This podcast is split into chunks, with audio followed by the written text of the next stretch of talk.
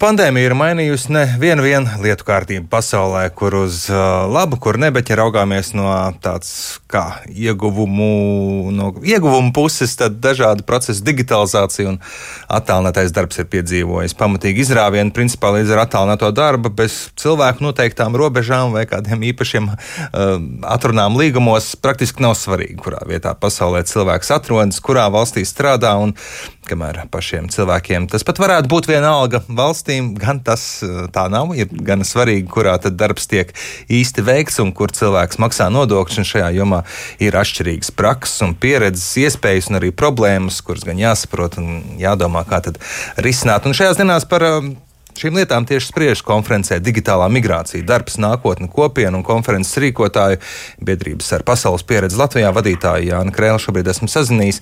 Labrīt! Labrīt! Domājot par attālināto darbu, kas ir un kas nav sakārtots Latvijā, un kur varbūt ir tā pelēkā zona, kur daudz vietu interpretācijām. Patiesībā Latvijā daudz kas jau diezgan labi ir sakārtots pandēmijas laikā. Ļoti daudz darba devēja ir sapratuši, ka ir jāpalīdz darbiniekiem nodrošināt normālu darba vietu, cik tas ir, protams, iespējams. Uh, um, arī piemain, nu, pamainīta darba likumdošana, lai vispār ierakstītu šādu realitāti, ka tāda lieta pastāv. Kur nu rodas problēma ir tad, kad attālinātais darbs izplūst pāri robežām. Un tur jau vairs tā nav tikai Latvijas lieta, kā jau arī minējāt.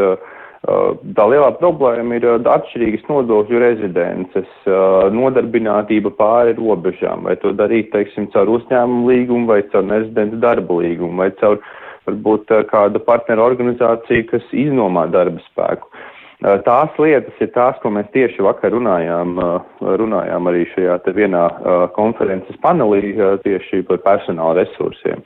Un uh, tur darba devējiem uh, bieži vien nu, ir jāpieņem kaut kādi kompromisi. Arī darba ņēmējiem ārvalstīs ir jāsaprot, ka viņiem ir jāreģistrēs, kaut kā nodokļi jāmaksā tur ir atšķirīgas pieejas. Un, um, nu, tas jau ir jautājums, mums, kas jārisina ne tikai Latvijas, tādā starptautiskā līmenī, jo uh, starptautiskā vispār regulācija un, un likumi netiek līdzi tam, cik strauji izmainīsies pasauli pandēmijas laikā. Jā, nu, tāds praktisks piemērs, piemēram, zina cilvēks, kurš strādā starptautiskā kompānijā, apkalpo Amerikas tirgu, atrodas šeit Latvijā, bet principā varētu veikt darbu no jebkuras vietas pasaulē, bet viņam pirms tam īpaši darba devējiem ir jādod zināt, ja viņš pēkšņi sāk uh, strādāt no citas valsts, un ja strādā no citas valsts, tad ne ilgāk par divām nedēļām. Jā? Es pieļauju, ka tie Jā. ir tie noteikumi, par kuriem jūs runājat. Jā, tieši tā, jo darba devējam var rasties šāda situācija, ka, piemēram, ja cilvēks aizbrauc uz, nezinu, jebkādu citu valsti, tā valsts, piemēram, sāk uzskatīt, ka tam uzņēmumam ir arī nodokļu rezidents tajā, tajā valstī. Un tad, protams, rodas uzreiz pilnīgi citas problēmas, vai ne, un citi maksājumi, tādēļ, tādēļ uzņēmumi ir ļoti, ļoti piesardzīgi ar šo. Un, uh, Un, protams, tas ir apgrūtinājums, jo, kā mēs, piemēram, uzskatām, ne, digitāla migrācija, tā varētu būt arī labs pamats digitālajai remigrācijai, vai ne, kad mūsu diasporas cilvēki varētu atgriezties Latvijā, bet turpināt strādāt no ārvalstīm. Nu, tad šos jautājumus mēs mēģinam kaut kādā veidā, vismaz ar konferenciju, celt gaisā un skatīties, ko mēs no Latvijas puses varam darīt, lai šo visu vismaz iekustinātu.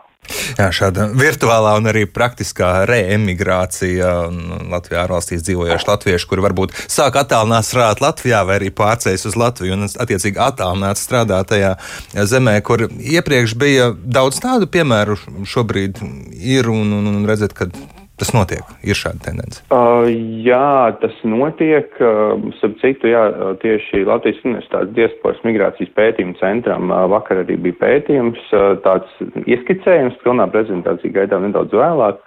Uh, tādas lietas notiek arī pats personīgi pazīst vairākus cilvēkus, kas tā ir darījuši. Uh, Bet, nu, atkal šeit ir darba devēji arī, kas ir teikuši, jā, jā, labi, aizbrauc, bet pārāk ilgi neaizkavējies, jo mums tomēr gribās, lai tu attālinātu esi tajā pašā valstī, kur esam mēs bāzēti. Un tā kā tā. Un tā ir tā viena puse. Un otra puse, protams, par ko mēs runājam, ir uh, kā mēs varam paplašināt Latvijas talantu loku, piesaistot cilvēkus, jebkurā pasaulē mūsu uzņēmumiem, jebkurā vietā pasaulē tieši mūsu uzņēmumiem šeit. Un, un tā, kā, nu, tā ir tāda divpusēja, vai ne? Mēs gan varam piesaistīt cilvēkus, kas brauc un fiziski dzīvo Latvijā un strādā ārvalstīs, gan otrādi. Mūsu uzņēmumi var piesaistīt cilvēkus, kas ir ārvalstīs, kamēr viņi paši paši ir Latvijā. Latvija tam ir gatava un izmanto šo iespēju. Kas nepieciešams, lai, lai izmantotu, piemēram, šo ārvalstu darba spēku piesaisti, nu, vai arī otrā virzienā, kā jūs minējāt? Jā.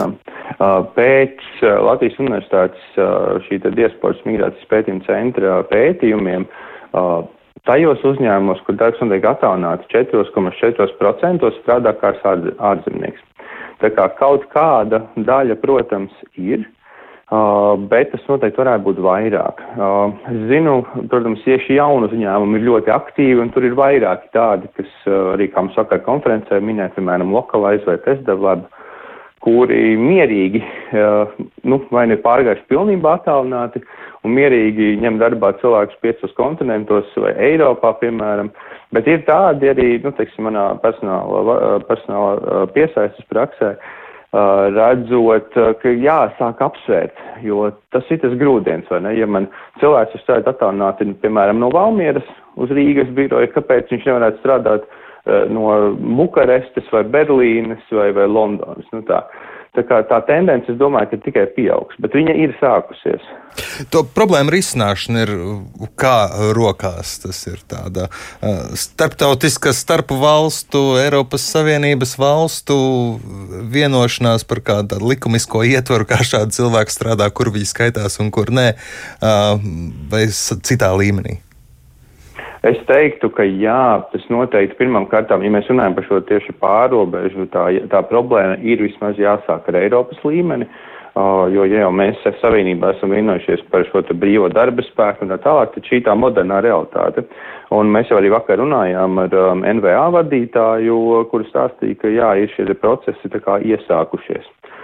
Nu, lūk, un tad tā otra lieta, ja mēs runājam par to, kā Latvija var piesaistīt šos digitālus nomadus, lai viņi brauc un fiziski dzīvo šeit, bet strādā attālināti, nu, tā ir vairāk līmeņa tā kā stratēģija. Mēs šobrīd risinam arī, un, un, un var teikt, runājam ar valsts pusi par digitālo nomadu vīzas ieviešanu, ko ir izdarījuši vairākas citas valstis, lai cilvēks varētu atbraukt, dzīvot šeit, bet saglabāt darba attiecības ārzemēs. Un, protams, runājām arī vakar par pilsētvidi, kā pilsētas var piesaistīt cilvēkus. Tā kā mums ir arī jāveido nu, tāda lielāka stratēģija Latvijai, lai mēs varētu būt tādi pievilcīgi un labi pārdot šādiem cilvēkiem. Kas ir šie digitālie klaidoņi, jeb nomadi? Digitālai klaidoņi, jā, tas tie ir darbinieki, kuri strādā tālināti un tad, piemēram, pieņem lēmumu Hmm, bet eh, kāpēc es nevarētu, kamēr es strādāju tādā, paceļot pa pasauli un padzīvot, varbūt vienā vietā kādus gadu, divus, varbūt pusgadu. Nu, lūk, un uh, ir, uh, ir aplēses, protams, šie cilvēki, kad viņi dzīvo valstī, viņi atstāja šeit savus tēriņus, uh, viņi piedalās vietējās ekonomikas atbalstīšanā. Un tas ir nu, tāda vērtīga lieta, un, protams, arī zināšanas tiek pārnestas. Kas zina, varbūt kāds arī aizķerās šeit, un mēs tādā ziņā iegūstam arī labu speciālistu ilgtermiņā. Un tādā veidā. Jā, mēs šķiet šajā jomā Igaunija ir bijusi tāda naskāka un ātrāk izdomājusi, piemēram, Igaunijas virtuālā darba vīza. Ja? Tā to es kā precīzi mm. nosaukt. Latvijai arī kaut ko līdzīgu vajadzētu. Nu, mēs šobrīd par to runājam, jā, tieši šo digitālo nomadu vīzu. Uh, ir vairāki priekšlikumi, darbs noteikti, tas viss ir sācies tieši diasporas konsultatīvajā padomē un tad sadarbībā ar pārējām uh, valsts iesaistītajām pusēm. Uh, Tā kā jā, mēs uzskatām, tas būtu vajadzīgs un uh, tas, tas noteikti palīdzētu, jo nu, mēs kā valstis jau sākam konkurēt par šiem talantiem visā pasaulē un, un es domāju, ka tā lieta tikai attīstīsies. Esat uzrunājuši arī politiķus par šo jautājumu aktualitāti, vai redzat, ka ir interese šīs lietas risināt?